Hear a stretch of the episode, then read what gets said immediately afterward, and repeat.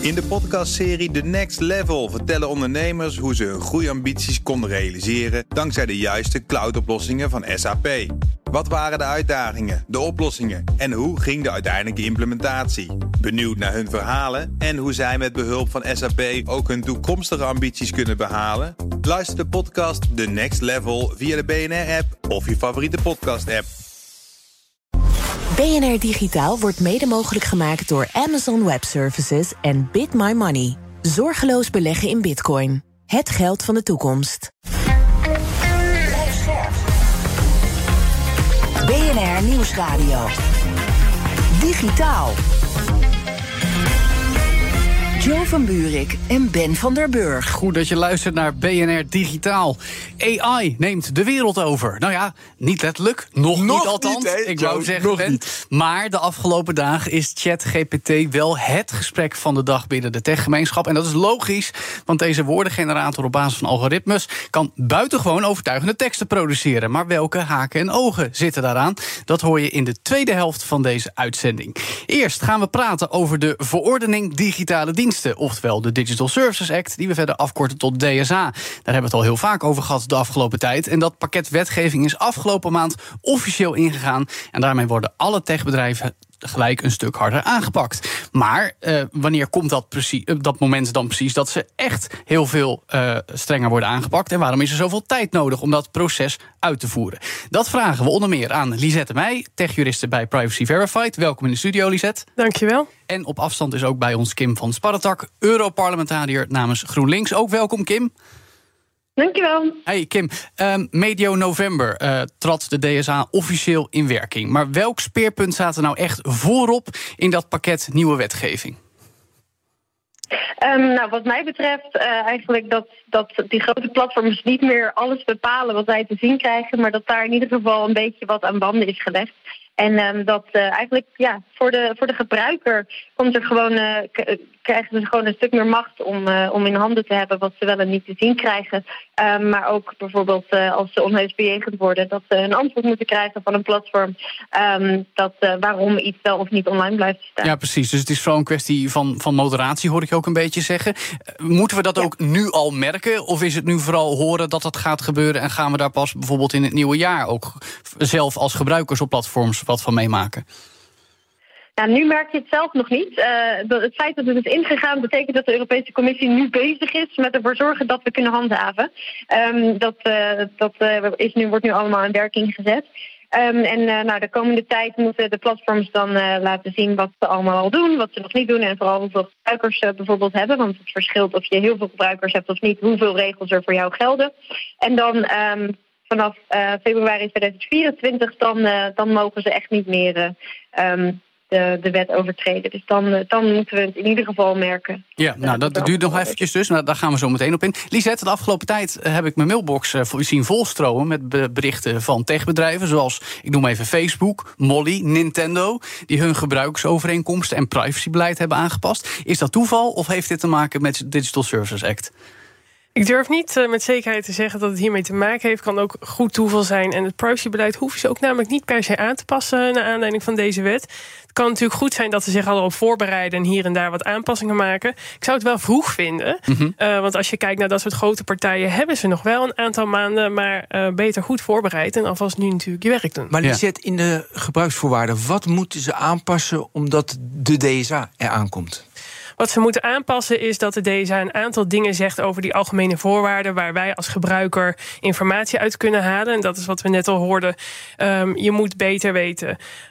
Wat zien we eigenlijk? Wat mag er wel en niet qua informatie op ons platform geplaatst worden? Uh, maar dat doen ze toch al? Er staat nu toch al van je mag niet. Uh... Soms staat inderdaad wel, je mag bijvoorbeeld, ik noem iets kinderporno. Ja, nou, uh, dat soort dingen, die, die staan er wat, vaak al in. Wat illegaal is, mag sowieso. Ja, dus dat staat erin. Die ja. hebben we dan al. Dus die kunnen we al afvinken. Dan moeten ze aangeven wat ze doen met bijvoorbeeld de meldingen die er langskomen. Hoe je daar een klacht over in kan dienen. Dat dus... hebben ze ook allemaal al volgens mij. Dus ik wil weten wat er nu nieuw is door de DSA, waardoor die gebruiksvoorwaarden veranderd moeten worden. Ja, dat zijn de punten die je dus mee moet nemen. Dus als ze dat allemaal hebben, nou ja, dan zijn ze daar klaar mee. Wat ze wel moeten doen, is dat ze jou, jou er dus actief over moeten informeren. Dus het kan goed zijn dat je daardoor ook die update krijgt natuurlijk. Ja, hè? dus Want zelfs ze al is zeggen- maar één woord wat aangepast is... dan nog Ja, zijn ze moet- om die ja. mail te sturen. Ze moeten jou actief informeren over hoe zij dit dus doen. En dus in die algemene voorwaarden. En wat nieuw is, eh, is ook dat ze die punten die dus in die DSA staan... zoals hoe ga je om met eh, die illegale inhoud... met de meldingen daarvan, de klachten die mensen daarover kunnen indienen... eh, moeten ze samenvatten in een leesbare samenvatting van de algemene voorwaarden. Dat je dus niet dat hele stuk door hoeft. Maar dat je dus alleen naar die samenvatting kan kijken. En dan dan weet, oh, zo ga je daarmee om. En dat kunnen ze ook met plaatjes doen om het makkelijker te maken. En dat moet ook voor de grote platforms heb ik het dan over. In iedere taal waar zij dus actief zijn binnen Europa. Dus dat is wel nieuw voor ze. Maar dat vind ik interessant, want ik wou net aan jou gaan vragen... hoe belangrijk is het voor gebruikers, onze normale stervelingen... om die geüpdated overeenkomsten en beleidsteksten door te nemen? Maar jij zegt, er is ook al in de wet opgenomen... dat die juridische mumbo-jumbo vereenvoudigd gepresenteerd moet worden... zodat wij normale mensen begrijpen wat er verandert. Ja, exact. En dat geldt niet eens alleen voor die grote partij. Dat geldt voor allemaal. Het moet in een toegankelijke, begrijpelijke wijze eh, gepresenteerd worden. Dat is een hele uitdaging als je naar algemene voorwaarden kijkt. Want daar stoppen we heel graag. Dat Zoveel mogelijk Ja. in, zo ingewikkeld Zo mogelijk. lang mogelijk, zo onaantrekkelijk mogelijk maken we het van gaat vooral niet lezen. Maar dat geldt dus ook voor start-ups. Ja, dat, dat, dat, die algemene voor, dat is gewoon de regel. Dat geldt, dat moet je dus toegankelijk eh, verwoorden. En niet dus al dat juridische jargon, al die Ja. mambo-jumbo waarvan we denken... wat staat hier in godsnaam? Dat niet. Kim, even wat extra huiswerk dus voor al die bedrijven. Is dat, is, dat, eh, is dat reëel om van iedereen te verwachten? Zouden juist kleine partijen hier niet een beetje ontzien moeten worden? Of gebeurt dat? Nou, ehm, de, echt de allerstrengste regels die gelden ook voor de allergrootste platforms. Ehm, het gaat ook echt over nou ja, wat, wat, kan, wat kun je aan, maar ook wat, wat is je verantwoordelijkheid uiteindelijk op het internet. Hè, dus een kleine weblog inderdaad, je moet gewoon zorgen dat je je, je algemene voorwaarden op orde hebt. Ehm, en, en dat je geen illegale content op je, op je website zet. En als iemand bij je flagt dat dat wel zo is, dan moet je daar binnen aanzienlijke tijd op reageren. Ehm, en juist bij die hele grote platforms met een veel groter bereik, daar komen echt een stuk meer regels. Ehm, zoals inderdaad dat je dus altijd een antwoord moet geven als het gaat over contentmoderatie. Ja. Ehm, dus, eh, dus daar hebben we wel rekening mee gehouden. Want het grote probleem is natuurlijk dat die, die machtsmonopolie van die grote platforms, die, eh, die ga je niet breken door eh, mega strenge regels voor iedereen op te stellen. Want dan komen de, de nieuwe en kleine bedrijven er nooit meer doorheen. Ja. Hoe zie je er nou eigenlijk op toe dat dit ook allemaal al gebeurt? Want nou, over dat tijdspad gaan we zo meteen nog even spreken. Maar eh, ja, wat, voor, wat voor toezicht is er? Wie, wie controleert in Brussel of waar dan ook dat iedereen zijn huiswerk netjes doet? Ja, in principe is, ligt, ligt het grootste deel gewoon bij de Europese Commissie. Die, ehm, die moeten gewoon toezicht houden en zorgen dat die platforms zich eraan houden. En ja, stap 1 is dus bepalen voor wie de allerstrengste regels gaan eh, gelden. Daar eh, is de Europese Commissie nu mee bezig. Ehm, en eh, nou ja, een aantal andere dingen, zoals ehm, nou ja, hoe, hoe ga je om met desinformatie. Ehm, daar ja, vind ik erg jammer, hebben we niet echt heel duidelijk toezicht op. Daar Oh. vragen we de platform alleen om een zelf-assessment te doen. En dat moet dan gecertificeerd worden door een consultancy. Ehm, dus daar zijn nog wel wat, eh, wat eh, stappen te zetten, denk ik, om, om daar ook echt streng op te zijn eh, Ja. bij de platforms. Ja, en kan dat nog het, veranderen? Dus die desinformatie, wordt dat nog aangepast voordat we beginnen met de DSA in februari 2024? Nou, het, het wordt niet meer aangepast binnen de DSA. eh, maar er zijn, wel, worden nu wel, zijn nu wel echt discussies over gaan. Omdat we zien eh, dat die Russische desinformatie bijvoorbeeld toch wel eh hoogtijdagen viert. Om te zien of we daar toch niet nog iets steviger op, op kunnen inzetten via een andere wet. Hey Kim, dus er zijn dus groepjes, de Europese Commissie moet toezien, zeg jij. Dus er wordt er een commissie, er worden er 5, 6, 7, 8, 9, 10 mensen... die gaan dat dan bespreken en die geven dan die boete wel of niet, toch? Dat is in de praktijk zoals dat eruit ziet. Ja, nou wel ietsje meer mensen, denk ik. Maar Hoeveel, hoeveel? Hoeveel gaat dat kosten? Poeh, nou, dat stel je me vraag, dat weet ik niet uit Oké. mijn hoofd. Sorry. Maar meer dus. En, ja, en, die gaat, en, ja, en nog één. Eh, wat, wat, hoe, wat zal de gebruiker nu echt gaan merken van de DSA? Gewoon in de Nou, wat- praktijk. Nou kijk, bijvoorbeeld met die algemene voorwaarden. Hè? Nou, daar krijg je in ieder geval duidelijkheid over. Dan moet je maar zitten hebben over snog om, uh, om dat uh, dan even te lezen. Maar wat wel zo is, is dat het niet meer arbitrair gebruikt mag worden. Er wordt echt toezicht op gehouden dat je, dat je niet meer, zeg maar, eigenlijk wat Elon Musk nu doet. Mm. Van, oh ja, nou, ik vind deze gozer wel aardig. Uh, ondanks dat hij allemaal vrouwen bedreigd heeft, mag hij toch gewoon weer op het internet. Dat mag niet meer. Ja. Okay. Dus dat is, dat is dat, dat daar geen arbitraire keuzes meer gemaakt mogen worden. En daarnaast dus ook dat um, ja, er moet nu toegang komen tot die grote platforms. En dat is wel echt een hele grote stap. Hè? Als je nu iets rapporteert van hé, hey, uh, ik word uh, racistisch bejegend of, uh, of hé, hey, um, jullie hebben mijn content offline gehaald omdat jullie zeggen dat het, dat het niet voldoet aan jullie voorwaarden, maar ik snap niet waarom. Dan krijg je meestal het antwoord van ja, voldoet gewoon niet aan onze algemene voorwaarden. Ciao. En nou, je hoort nooit meer wat onze Ja, ze geven ook wel uitleg dat, hoor. Soms, nu ja, al. Maar niet, ja, maar niet persoonlijk vaak. Okay. En, um, en, en je moet nu gewoon in discussie kunnen gaan. En ook, er moet dus een onafhankelijke geschillencommissie zijn. Dus niet zo'n Facebook-board opgericht door Facebook... die zegt, nee, maar wij kijken er zelf even naar. Maar er moet echt een onafhankelijke geschillencommissie zijn... mocht jij uh, onheus bejegend zijn door het platform. Ja. Die daar naar gaat kijken. Voor ieder apart platform moet dus een onafhankelijke geschillencommissie hebben.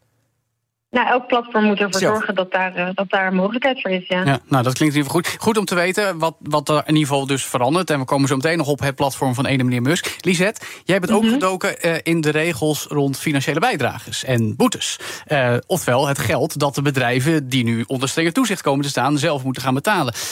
wordt daarmee die handhaving ook betaald, Lisette?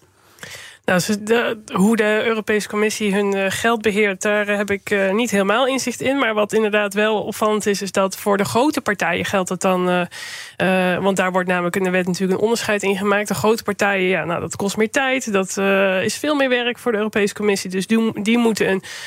Toezichtshandhaving bijdrage afgeven. En dat kan 0,05 procent uh, van, van de netto omzet zijn. Wat echt wel veel geld is. En dat ja. is dus een bijdrage die ze leveren aan de Europese Commissie... of ze nou goed of fout doen. Ze kunnen het ook helemaal goed doen... maar ze moeten dus een bijdrage leveren... om die toezicht eigenlijk uh, daarmee te financieren. En dat staat dus los van de boetes die opgelegd kunnen worden. Die kunnen oplopen tot 6% van de wereldwijde jaaromzet. Mm -hmm. Dus dan hebben we het over de grotere spelers. En dan zeg ik nu wel grotere spelers... want je bent een grote speler op het moment dat je 45 miljoen actieve afnemers hebt. Wat mm -hmm. niet eens per se een, een gebruiker, een geregistreerde gebruiker hoeft te zijn. Al mensen die op dat platform komen of ze een die account klikken hebben. Of op, ja, exact. Die een account, ja. Of ze een account hebben. Het is best wel breed, hè? Dus of ze een account hebben of niet, die klikken, die dingen bekijken, die misschien een keer iets opzetten, commentaar ergens bij plaatsen. Dus die, uh, uh, ja, die hoeven dus niet eens eens uh, elke dag daar actief te zijn. Mm -hmm.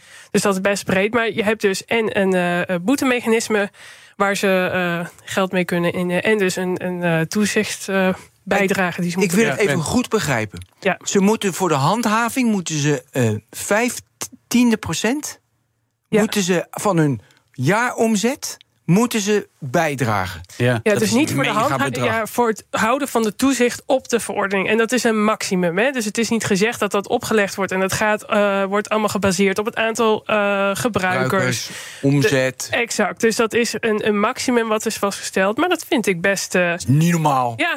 ja. ja. En nou, nou, Kim, dan wil ik jouw reactie ook. Is dat, is dat een ja, reëel bedrag? Nou, ja, Kim. Ja, nou, ja, ik vind het heel leuk dat we het hierover hebben. Want um, ja, ik heb dit bedacht en voorgesteld. En ik ben er mega trots op wat nou, erin zit. Kim, het slaat nergens op. nou ja, dat... Nee, sorry. Nou, ja, Verdedig maar. Het slaat eigenlijk... Nee, ja, het slaat denk ik wel ergens op. Want um, we zien natuurlijk... We, dit is geïnspireerd op wat we hebben ingesteld bij, um, bij de grote banken. Toen de grote banken allemaal toezicht nodig hadden... omdat ze zo groot waren geworden en er zo'n potje van hadden gemaakt...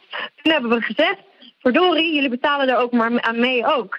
En dat is precies hetzelfde wat we nu hebben gedaan bij die grote platforms. hey, jullie zijn super groot. We hebben handhaving nodig. Um, jullie hebben er een potje van gemaakt. En nu gaan jullie maar bijdragen ook. En sowieso, we betalen niet zoveel belasting. Dus het is ook eigenlijk nog een mini-digitale tax. En dat vind ik, maakt het voor mij nog leuker. Ja, daar is ook wel iets voor te zeggen. Digitaal. En zo praten we verder over de Digital Services Act, de nieuwe Europese wetgeving die ons burgers in Europa beter moet gaan beschermen. Onder meer tegen mogelijk kwalijke praktijken die ook grote techbedrijven zouden willen, misschien ook blijven uitvoeren. Daar praten we over met Lisette Meij van Privacy Verified en Europarlementariër Kim van Sparretak van GroenLinks. Kim, de DSA zou voor zakelijke gebruikers van digitale diensten gaan zorgen voor meer keuze, lagere prijzen en juridische zekerheid. Lees ik op de website van de Europese Unie. Waar gaat dat dat uit blijken? Kun je een concreet voorbeeld geven? Um, nou ja, het gaat er dus ook, oh, het gaat ook heel erg over die, die, nou, dat er geen arbitraire keuzes meer gemaakt mogen worden. Um, en het gaat ook natuurlijk over um, nou ja, het punt dat, dat nou ja, als jij iets op het internet wil, uh, wil zetten, dan heb je gewoon duidelijkheid over wat wel en niet mag. echt meer keuzevrijheid. Verder denk ik dat er ook vooral heel erg door de DMA, natuurlijk het, het uh, broertje van, uh, van de DSA, ja. komt. Maar voor zakelijk gebruiker komt er ook gewoon echt meer, uh, meer duidelijkheid. En ja, precies. uh, ja. ja. en we hebben, we hebben nu verschillende, verschillende bedrijven uit verschillende landen genoemd. Twitter, Facebook uit de VS, Nintendo uit Azië, Japan. Molly is Nederlands. Uh, pakt de DSA bedrijven ongeacht land van herkomst aan? Of, of, of maakt het wel uit in welk land ze gevestigd zijn, in welk werelddeel? Nee, dat maakt helemaal niks uit. zolang ze in, in Europa actief zijn, dan geldt, geldt wetgeving ook voor hen. Um, maar wat natuurlijk wel zo is, is dat de allergrootste techbedrijven... die komen helaas niet echt uit Europa. Ja. Dus we zien wel dat de VS bijvoorbeeld niet heel blij was met uh, sommige wetgeving. Omdat ze zeiden, ja, dit is uh, gemeen voor onze techbedrijven. Maar ja. ja, maar ja, wij hebben, we zijn nu eenmaal heel groot in de VS... en zulke grote hebben wij niet. Dus ja, um, ja dat is wel een discussie. Lisette, wat merk jij ervan? Sta jij bijvoorbeeld ook buitenlandse partijen bij... of vooral Nederlandse? Merk je verschil daar? Nou, waar, waar dit vooral natuurlijk een, een, Want je vraagt ook richting Kim van... is het een voordeel voor bedrijven? Wat vooral natuurlijk het voordeel is... wat je, wat je in gedachten moet houden... is dat als je een bedrijf, als je internationaal wil gaan... of dat nou binnen Europa en ook daarbuiten is...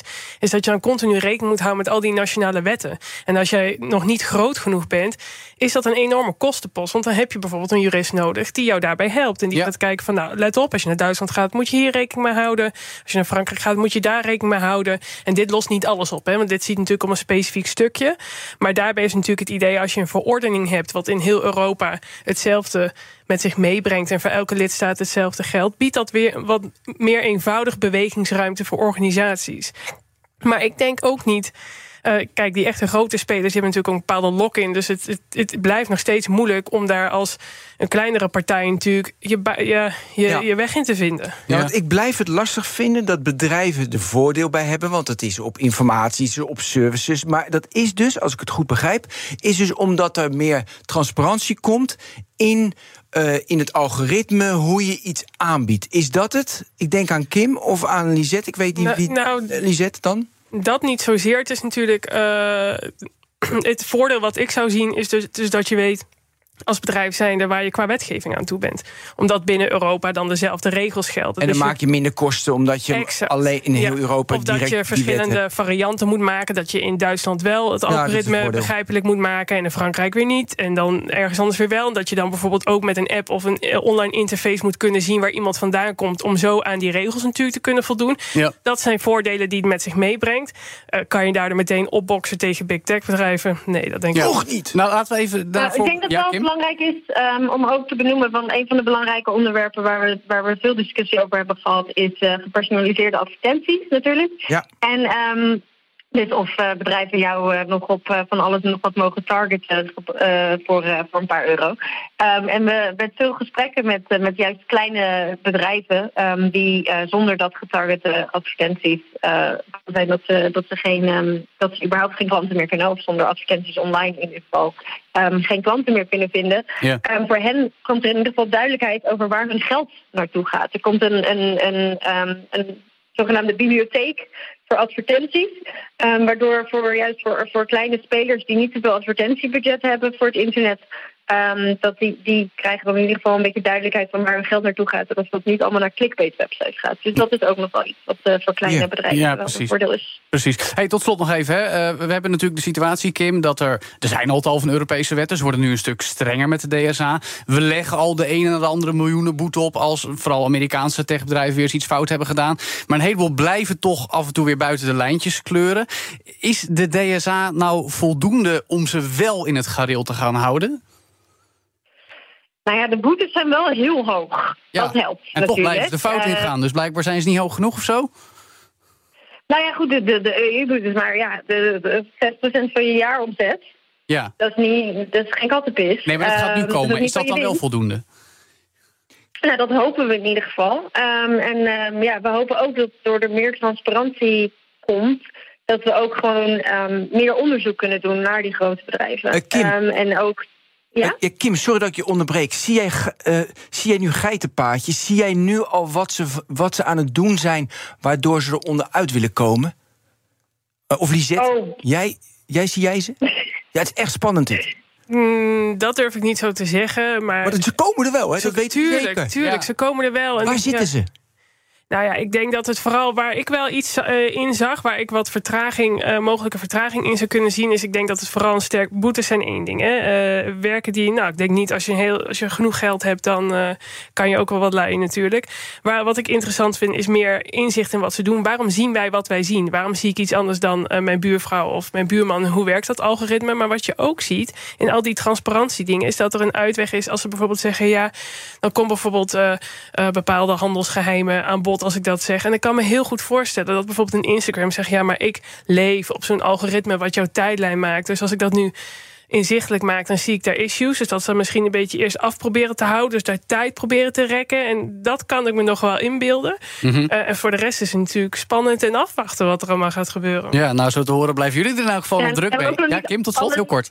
Oh, sorry. Oh ja, nee, ze hebben er ook natuurlijk een heleboel gewoon niet ingekregen door keihard te lobbyen. Wij wilden zeggen. verbod op Zeker. gepersonaliseerde advertenties. Dat, eh, daar kunnen ze nog steeds op blijven cashen, helaas. Ja, Dus, dat dacht ehm, ik ook al. Nee, ik, ik wou zeggen, volgens mij blijven jullie er sowieso druk mee in Brussel en in Nederland. En dus ook wij in BNR Digitaal zullen er ongetwijfeld binnenkort weer over spreken. Dank jullie wel, Lisette Meij van Privacy Verified en Europarlementariër Kim van Sparretak van GroenLinks. En straks wordt dit BNR-programma pas echt digitaal, want de tweede helft staat volledig in het teken van woorden over AI en woorden van AI. En hoe die klinken, dat hoor je straks. BNR Nieuwsradio. Digitaal. Joe van Buurik en Ben van der Burg. Hallo en welkom terug bij BNR Digitaal. In deze aflevering van ons radioprogramma gaan we praten over ChatGPT, een nieuw en spannend taalmodel dat ontwikkeld is door OpenAI. ChatGPT is ontworpen om natuurlijke en menselijkachtige conversaties te kunnen voeren met mensen. En tijdens deze aflevering zullen we het hebben over hoe het model werkt en wat de toepassingen ervan kunnen zijn. We zullen ook praten met experts over de mogelijke impact van ChatGPT op verschillende industrieën en hoe het kan bijdragen aan het verbeteren van menselijke computerinteractie. Dus blijf luisteren voor een interessant gesprek over ChatGPT en de toekomst van taaltechnologie. Wat een keurige tekst, Joe. Nou, hè? Keurig. Ja, en dit zijn niet mijn woorden, Ben. Nee, ik weet het. Dit zijn de woorden van ChatGPT. En die gaven letterlijk deze opdracht. Schrijf een introtekst voor het radioprogramma BNR Digitaal... waarin we pra- praten over ChatGPT.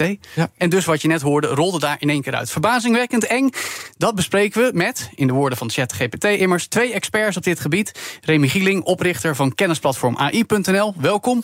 Leuk om er te zijn, dankjewel. En Martijn Michael, juridisch adviseur bij ICT-recht... ook bij ons op afstand. Hey Martijn. Dankjewel, hi. Welkom heren. Remy, eh, jij stelde terecht ook nog eens voor om de eerste vraag van dit gesprek te laten genereren door ChatGPT. Dus ook dat hebben we gedaan. Dus daar komt hij. Wat zijn de mogelijke ethische overwegingen rond het gebruik van ChatGPT? Zoals het mogelijke gevaar van misleiding of het vervangen van menselijke medewerkers. Ja, dan moet je me even helpen met de teksten, Joe van Buurik. nee, ja, dit was letterlijk de eerste vraag Ja. over eh, eh, ja, wat ChatGPT nou eigenlijk omvat. ah, oké. Ik dacht dat je ook de, de antwoord gelijk uh, nee, nee, nee, gegenereerd nee, wilde nee, krijgen. nee, nee, ja. Nou, nog één keer de vraag dan. Ja, nou, wat zijn de mogelijke ethische overwegingen rond het gebruik van ChatGPT, zoals het mogelijke gevaar van misleiding of het vervangen van menselijke werknemers? Ja, ik denk, ik denk dat het vooral op het eerste zit. Ik denk dat het vervangen van de menselijke medewerkers zal marginaal zijn. Een paar, eh, paar, paar, paar, paar CO-baantjes misschien die gaan verdwijnen. Omdat eh, een algoritme dat ook gewoon heel makkelijk kan genereren voor je. Een blogje met zeven tips over eh, welke kroegen je in Amsterdam moet bezoeken als je als toerist hier komt.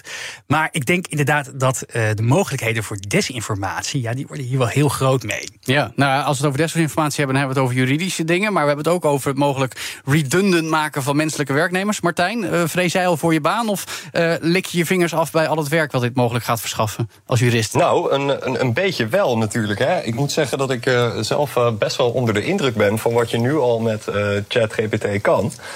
Hè, ervan uitgaande dat het ook nog best wel beperkt getraind is. En eh, ja, er komt toch best wel indrukwekkend werk uit, eh, moet ik zeggen. Dus eh, ja, of ik mijn baan als jurist eh, volledig kwijt ga raken, dat weet ik niet. Maar ik moet misschien toch wel een klein beetje gaan zweten. Nou, dat is in ieder geval interessant. Remy, nog één vraag dan van ChatGPT. Is het programma in staat om dezelfde soort creativiteit en complexiteit weer te geven als menselijke gesprekken? Of is het beperkt tot het voeren van simpele conversaties?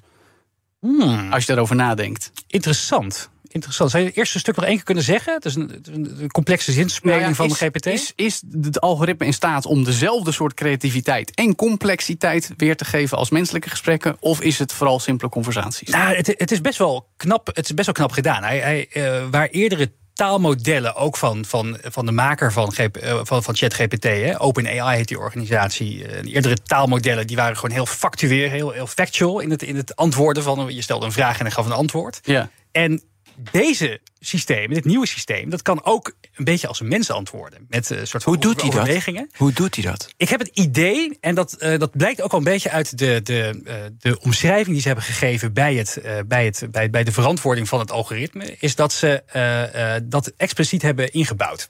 Dus ze hebben expliciet mensen. Ze hebben gesleuteld aan het algoritme, zeg je, om het menselijk te laten overkomen? ja, dat, eh, dat, dat blijkt het wel. Ze noemen het ook eh, eh, reinforcement learning. Dat is een bekend principe, maar het is human reinfor- reinforcement learning from human feedback. Ja, ja. Dus het is, hij leert niet alleen maar van zichzelf, maar hij leert voornamelijk ook van de feedback van humans. En hij heeft dus, ze hebben dus ook een deel wel extra ingevoerd om ehm, eh, het algoritme te leren hoe wij mensen verwachten dat we een bepaald antwoord Ja, dus kunnen de, hebben. dus de bekende voorbeelden is dat uh van Google, weet Ja. je wat we toen hoorden. En het Google bekende Duplex. van, eh, wacht, wacht, wacht, dat ze expres pauze erin brengen. Of het niet helemaal weten waar mensen zoeken naar woorden. Dat hebben ze expres ingevoerd. Ja, Ja, maar dan heb ik nog wel iets over die creativiteit en complexiteit. Want dat zat in die vraag die we hebben gesteld. Kijk, heel veel mensen hebben natuurlijk ook geen creatieve en complexe vraag-antwoord naar elkaar. Dat is ook gewoon ja, nee, hoe gaat het goed enzovoort. Dus, dat, dus dat, daar zit ook een verschil in. Maar de vraag blijft natuurlijk: vind jij zelf originele antwoorden? Ben je vaak verrast de afgelopen dagen dat je mee hebt gespeeld? Nee, dat vind ik dus wel. eh, ik vond het wel heel knap. Ik vond het heel knap, maar ik was eigenlijk een beetje verbaasd over De hype? de, ver- de hype, de verba- Ja. ook de verbazing van ja, mensen die, die Ja? hier toch al veel mee aan het werk zijn, of er veel van weten. Elon Musk die was, die was zeer onder de indruk. Zei die in elk geval op Twitter? Zij die in elk geval op Twitter Ja, hij inderdaad. heeft belang, want hij Tuurlijk, is ja, maar een van de als het een hype is, dan wil je het ook roepen op Twitter, want Ja. krijg je tractie. om Ja, even terwijl ik denk, nou ja, weet je, dit, eh, als je dit even een beetje had, had doorgedestilleerd van de technologie die er al was, en je had gewoon kunnen weten dat dit eraan zat te komen, Ja. dat, dan, dan, dan, ik was niet zo verbaasd eerlijk. Nee. Martijn, was jij wel onder de indruk toen dit eh, tractie kreeg in de afgelopen dagen?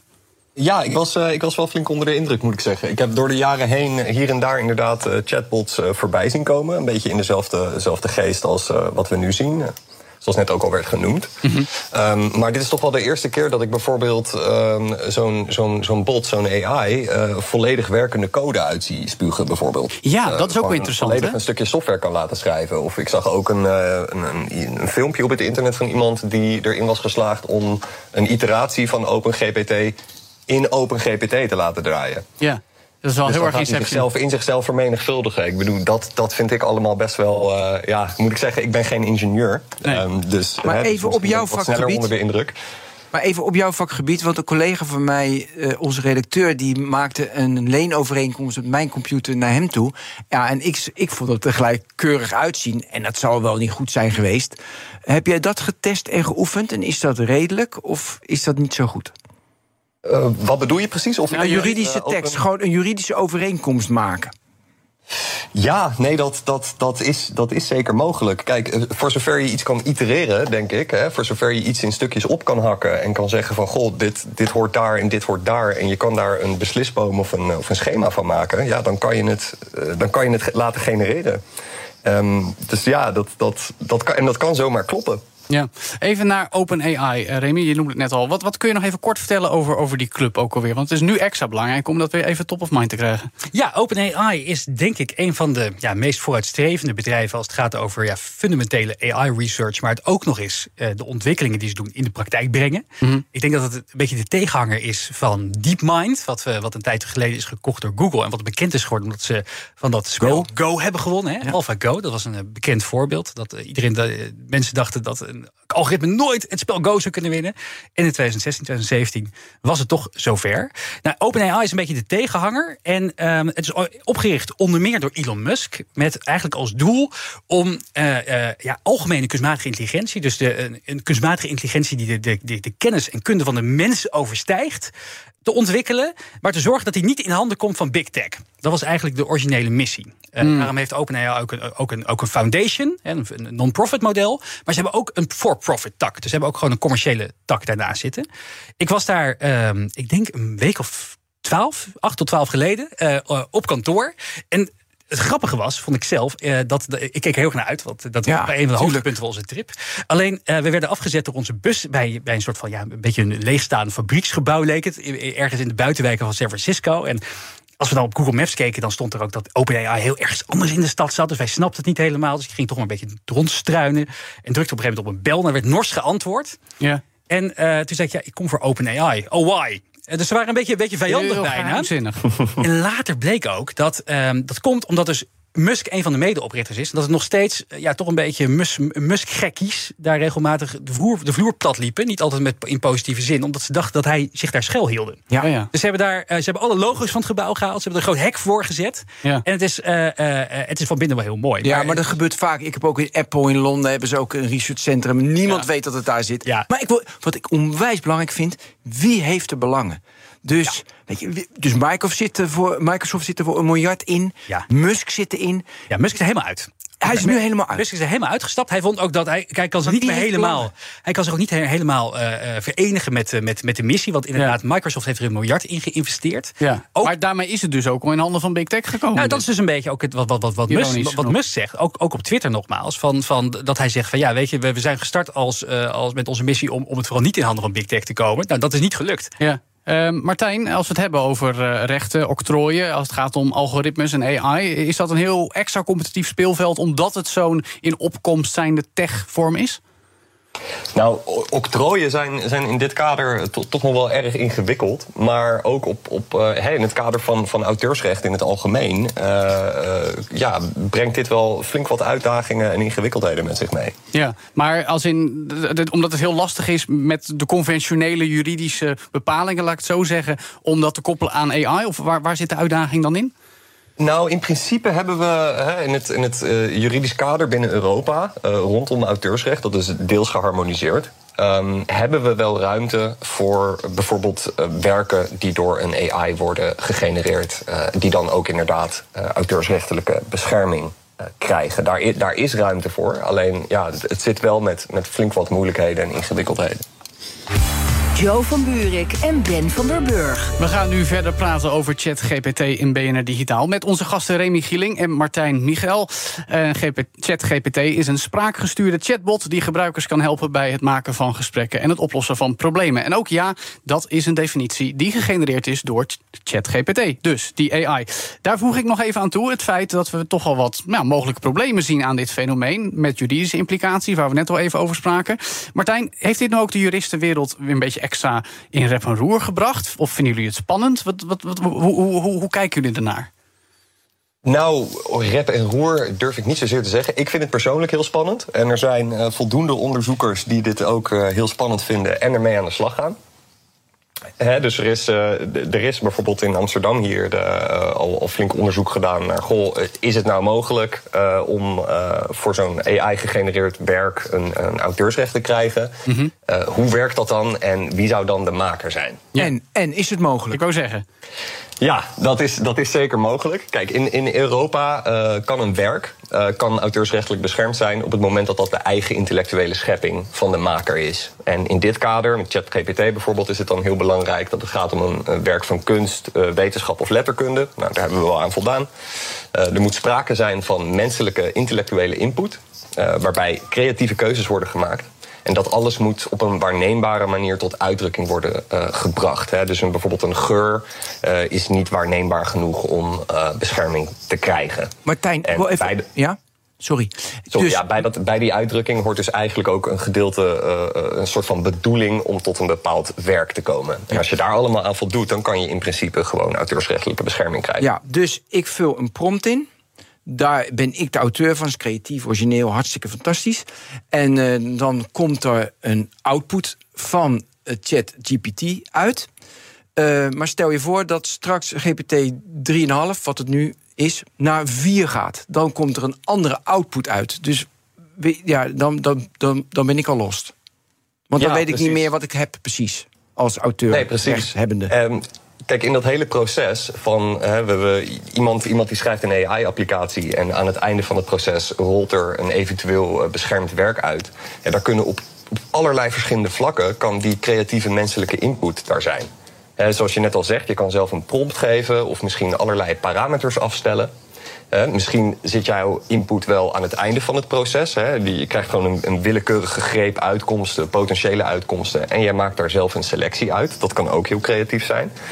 Ehm, maar dat, dat ben jij dan als gebruiker. Hè. De ontwikkelaar van die AI-applicatie... die bedenkt eh, de regels op basis waarvan eh, de AI output levert. En misschien ook wel de regels waarmee die leert. En misschien eh, selecteer je ook wel op een hele creatieve manier... juist de materialen hè, waarmee eh, de AI wordt getraind. heb- Voor die materialen geldt hetzelfde. Daar kunnen ook auteursrechten op. eh, Ik wou zeggen, nu, nu heb je het heel erg over het algoritme zelf, over de teksten. Maar we hebben het ook bijvoorbeeld eh, in, in de gesprekken in algemene zin over AI, over visuele kunstvormen. Bijvoorbeeld de Lensa-app, die de afgelopen weken ook door heel veel mensen gebruikt is om avatars te genereren. En dat er opeens visuele kunstenaars zijn die zeggen: hé, hey, ik herken daarin heel duidelijk de hand van mijn werk in deze door een AI gegenereerde avatar. Ligt het verhaal daar anders, omdat het misschien duidelijk herkenbaar is als zijnde van: hey, daar is een algoritme getraind met het werk van deze kunstenaar en die steekt nu zijn hand op?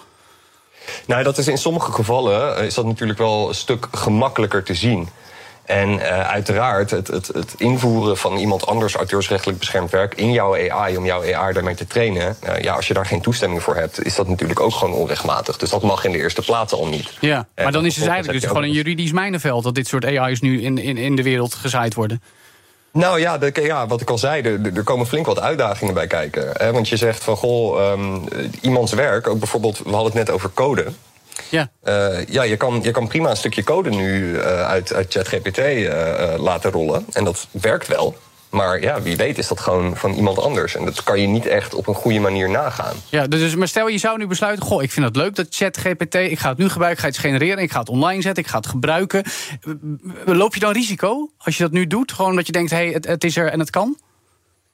Ehm, nou, ik denk, ik denk dat het risico, ja, als, als iemand echt overduidelijk ziet van, goh, je hebt mijn, eh, je hebt mijn werk, eh, eh, eh, je hebt er gebruik van gemaakt, onrechtmatig gebruik van gemaakt, ja, dan, en, en die wil jou per se aanspreken, dan kan dat wel. Maar ja, of dat, of dat risico heel reëel is. Je ziet er ook een beetje dat- ontwikkeling in gaande zijn. Hè? Overigens zijn er juristen die zeggen dat het, dat het op zich wel kan. Dat je wel eh, mag trainen in elk geval op, op bestaand werk van, eh, van, van derden. Dus daar valt Ja, precies, dat was precies wat over, vraag. over te discussiëren. Mijn vraag. Maar je ziet ook wel dat, dat de modellen hier ook al rekening mee beginnen te houden. Ik geloof dat in de laatste versie van Stable Diffusion... dat is ook een bekend algoritme wat afbeeldingen kan genereren. Ja. Je, hebt er, je, hebt er, je hebt er ongeveer drie. Nou, dit, dit, dit is de nummer twee, zou je kunnen zeggen. Mhm. En eh, ik geloof dat in de laatste versie dat het ook eh, dat als je bepaalde eh, keywords van kunstenaars nu gebruikt, van levende kunstenaars nu gebruikt, dat hij eh, eh, niet meer dat, dat hij minder accurate eh, eh, afbeeldingen maakt. Die minder goed. Die, die, die- dus, dus ze hebben bijna, ik denk ook weer handmatig daar ingegrepen. Omdat Ja. ze gewoon merkten Ja. dat hier eh, dat, dat, dat het inderdaad wel juridisch in ieder geval gevoelig ligt. Martijn. Je ziet, dat, je ziet dat al deze bedrijven inderdaad nu naar juristen grijpen. Als je nu bijvoorbeeld eh, chat eh, GPT vraagt of, eh, of die een poging wil wagen om het volgende boek in de serie van George R.R. Martin te schrijven. En dan zegt hij eigenlijk heel netjes van... goh, ik ben een, eh, ben een, een robot. eh, ik, ik mag niet zomaar aan, eh, aan de content van George R.R. Martin komen. Ja. Ehm, bovendien, ik ben een machine, dus ik kan helemaal geen creatieve dingen doen. Oh. Dus, hè, de, dus daar gaan we niet aan beginnen. Ja, dit is ook dus die, die snijden eigenlijk de bocht een beetje af. Of dat helemaal in lijn is met nou ja, hoe we dat dan vanuit het Europese auteursrecht zouden, zouden interpreteren, dat weet ik niet. Maar ja, je moet dus inderdaad als bedrijf, als je hiermee bezig bent, moet je wel inderdaad stappen gaan zetten om jezelf in te dekken. Maar ik wil, ik wil wel duidelijkheid nu hebben. Want Remy, jij zei het in een tussenzin, maar Martijn is een jurist. Eh, ik, heb, ehm, ik heb teksten op het internet staan, die zijn van mij. Ik ben de auteur. En, en eh, ik wil niet dat Chat GPT die teksten gebruikt. Dat wil ik gewoon niet. Dat zijn mijn teksten. Wat Ja. gebeurt er dan? Kan ik ze dan aanklagen? Ja, ik denk het niet. Je, maar je- Nee, want je weet niet eens dat ze het gebruiken. Nee, Martijn? Nee, ja, dat, eh, inderdaad. Als je, als je dat niet aan kan tonen, dan, eh, dan wordt dat heel erg lastig. Maar in principe omvat het auteursrecht het exclusieve recht op openbaarmaking en op verveelvoudiging. Ja. Je kan natuurlijk gewoon zeggen: goh, eh, op het moment dat jij eh, dat gaat verveelvoudigen eh, ten behoeve van het trainen van een AI, Ja. of je gaat dat openbaren op het moment dat er sporen van in de output van een AI komen, ja, dan raak je dus dat auteursrecht van die originele maker. Ja, ja. Nou goed, we voldoen even over de juridische implicatie. Ik wil nog eventjes op, op, op het ChatGPT zelf ingaan. En dan vooral, hoe slim is het nou eigenlijk, Remy? Want we hebben bijvoorbeeld ook geprobeerd het, het verschil te vragen... tussen 10 kilo ijzer en 10 kilo veren. En dan zegt hij, ijzer is zwaarder. Dat is, hoe, hoe komt het dat er zoiets doms tussen aanhalingstekens dan ook naar voren komt? Ja, ze geeft, ook, ze geeft ook zelf een beetje toe. Hè. Als, als je de pagina bekijkt waar ze dat schrijven... ze zeggen ook, uh, het, het, het, het, schrijft soms onzin. Ja. let op. Uh, dus maar mensen praten soms ook onzin. Is dat overeenkomst ook in de beleving in elk geval? Ja, ja nou ja, precies. Ik denk, denk dat, het, dat, dat, dat daar nog een, een klein, uh, kleine discrepantie op zit. Waar, waar het vooral is, is dat, dat het, het lijkt... Het, het, het grappige is, het lijkt zo menselijk. Hè. Als je, uh, ze hebben ook een paar trucjes ingebouwd... dat, dat, dat uh, als je een, een zin intypt hè, van bijvoorbeeld een vraag... van, van, van, wat, is, van, van, wat is kunstmatige intelligentie bijvoorbeeld... Mm -hmm. dan plakt hij niet gewoon huppakee die tekst voor je neus. Hè, in, alsof je een webpagina opent. Nee, hij, hij gaat echt woord voor woord ja, dat schrijven. uitschrijven. En Ja, dan, krijgen wij mensen een beetje het idee van... oh, iemand is dat aan het, aan het maken. Antromorfisme. Hij is het aan het bedenken, Ja, wij, wij, mensen ja. zien, er- er- herkennen overal herkennen wij mensen, herkennen wij mensen in. Ja. Alleen, ja, het weet gewoon niet wat het, wat het publiceert. Het is als een, als een, misschien als een, als een, als een, als een hele, eh, hele slim, slim, slimme papegaai. Die kan, Mhm. eh, hij kan allemaal prachtige zinnen zeggen... en het lijkt, het lijkt heel steekhoudend... maar hij weet niet wat hij uitkraamt. Ja, ja. Nou, tot slot nog eventjes. Hè. Eh, hoe gaan we dit toegepast zien worden? Ik kan me voorstellen, zeker als je zegt Microsoft zit erin voor een miljard... dat ze misschien wel in Word of Outlook deze AI al op redelijk korte termijn willen gaan gebruiken... voor automatische replies of automatische tekstgeneratie. Zie je dat gebeuren, Remy? Ja, 100 procent. Ik denk dat het komende jaar gok ik wel dat we dit gaan terugzien in, in, in Word en eh, misschien ook wel in, in, in, eh, in, Google, eh, in Google Drive, of sorry, Google Docs. Eh, WordPress zal, zal plugins krijgen. Ik denk dat eh, Notion heeft al aangekondigd, een bekende, bekende teksttool, eh, die, dat, ze- dat ze een eh, AI-assistent eh, aan het introduceren zijn. Ja. Dus dit gaat het komende jaar gebeuren. Eh, iedereen die iets met teksten doet, die zich hier niet in verdiept, ja, die, die, die, die moet zich maar zeer achter de oren krabben of ze nog werk willen hebben over twee Nou, tot drie jaar. We zijn gewaarschuwd.